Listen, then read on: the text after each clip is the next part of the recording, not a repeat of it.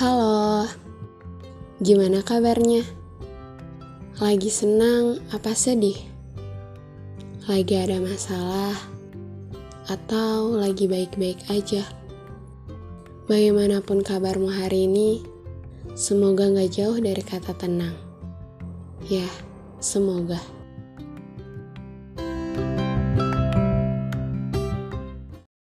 Kenapa ya? Kesepian sering datang tiba-tiba. Kenapa kesepian gak pernah ngasih aba-aba? Biar kita bisa nyiapin cara buat ngalihin. Karena kalau udah terlanjur ngerasa kesepian, ngapain aja kerasa kosong dan sesak. Perasaan yang menurutku paling bahaya. Aku suka sepi, tapi aku gak suka perasaan sepi. Paham gak? Dua-duanya sama-sama diberi nama sepi, tapi efek yang dirasain itu beda. Kalau keadaan sepi, bikin tenang. Sementara perasaan sepi bikin hidup yang baik-baik, jadi terlihat nggak berarti.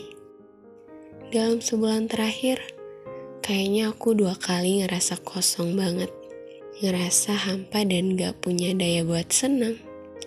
Energi kayak lagi tidur, terus sulit dibangunin. Kebayang gak sih frustasinya kayak apa? Dan barangkali kamu yang dengerin ini pernah atau sedang ngerasain kesepian ini. Menurutku, di antara banyak jenis perasaan yang kita sadari, kesepian itu jadi jenis perasaan yang gak banget. Ibarat produk kalau di review, ini perasaan kesepian tuh udah gak bisa dikasih bintang bener-bener gak direkomendasikan buat dirasain. Karena kayak, apa ya, kayak gak ada dampak positifnya gitu loh.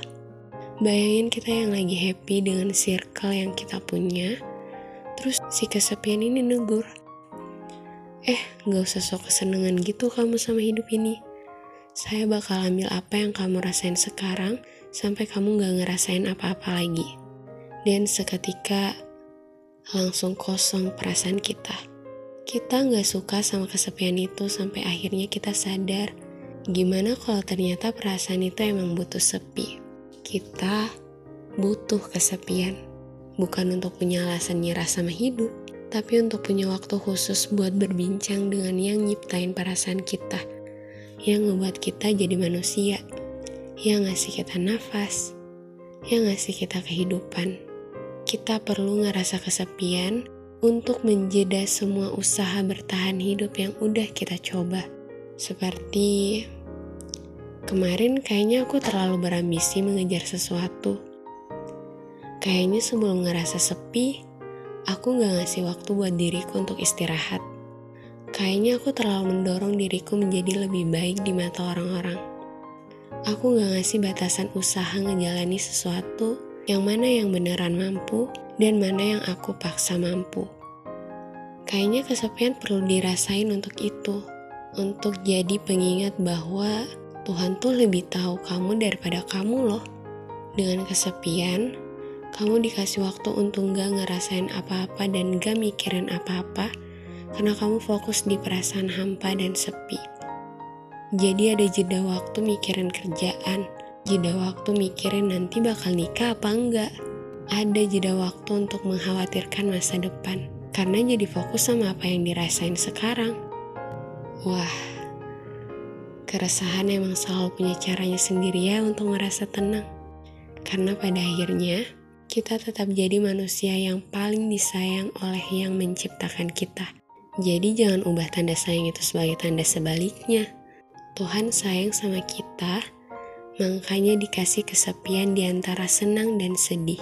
Tapi kadang, ya namanya manusia, kalau ngerasa kusut, pikiran jadi ikut kusut. Biasanya mikir kalau lagi ngerasa kesepian itu tanda kalau dunia jahat. Padahal kadang yang paling jahat sama kita bukan dunianya, tapi diri kita sendiri. Ada banyak cara loh untuk tenang. Pilih cara yang ngasih dampak baik buat diri sendiri ya seperti melihat kesepian dari sudut pandang kalau Tuhan sayang. Selamat istirahat.